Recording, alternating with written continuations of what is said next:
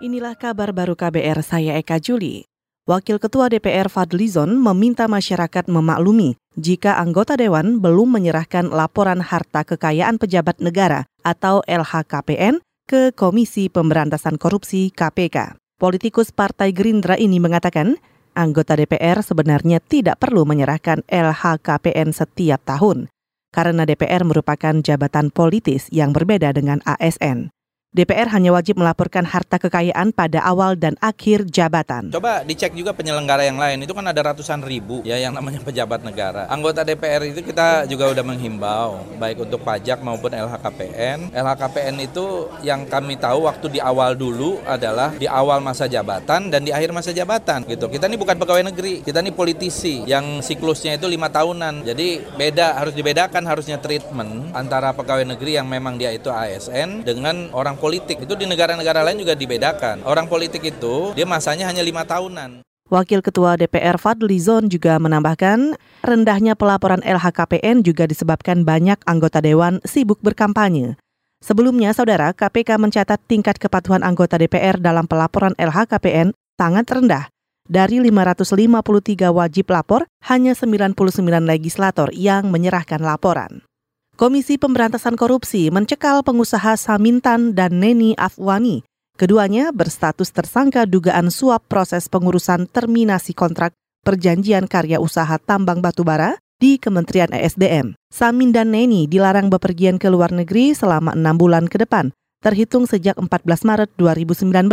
Juru bicara KPK Febri Diansah mengatakan, surat formal pencekalan telah dilayangkan kepada Ditjen Imigrasi Kementerian Hukum dan HAM. Menurut Febri, Pencekalan itu untuk memudahkan penyidik melakukan pemanggilan dan pemeriksaan.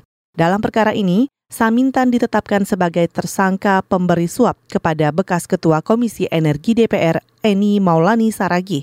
Samin memberi Eni uang suap 5 miliar rupiah agar membantunya mengurus terminasi kontrak perusahaannya di Kementerian ESDM.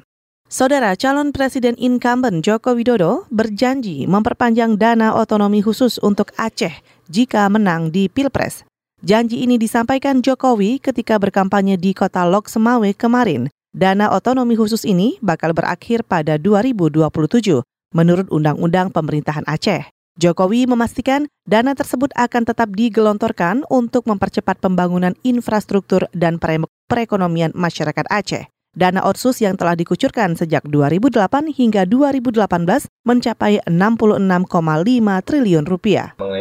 Dana otsus sudah jangan ditanyakan lagi. Saya akan perjuangkan itu agar bisa diperpanjang lagi. Bapak Ibu harus yakin dengan saya mengenai itu. Itu tadi Presiden Joko Widodo. Sementara itu, Capres oposisi Prabowo Subianto berjanji membangun pemerintahan bebas korupsi jika terpilih. Prabowo kembali mengungkit seribu triliun rupiah uang negara yang bocor ke luar negeri. Ketika berkampanye di Mataram, Nusa Tenggara Barat, Prabowo juga menjanjikan bakal menaikkan gaji penegak hukum agar mereka tak bisa disogok. Kita ke informasi olahraga. Dua ganda putri Indonesia lolos ke babak kedua kejuaraan bulu tangkis India Terbuka 2019. Unggulan ter pertama, Gracia Poli dan Apriani Rahayu menang mudah atas wakil Taiwan Chang Ching Yu dan Yang Ching Tun 21-14, 21-15. Keberhasilan ini diikuti pasangan Della Destiara dan Datania Oktaviani yang mengalahkan rekan satu negaranya, Rizky Amelia dan Niketut Mahadewi. Della dan Tania menang dua set langsung. Pelatih ganda putri Eng Hian tidak terkejut dengan kesuksesan Della dan Tania atas Rizky dan Ketut yang merupakan unggulan ketujuh. Menurutnya, Della punya banyak pengalaman karena sudah senior, sementara Tania juga pemain berkualitas meski lebih muda. Saudara demikian kabar baru, saya Eka Juli.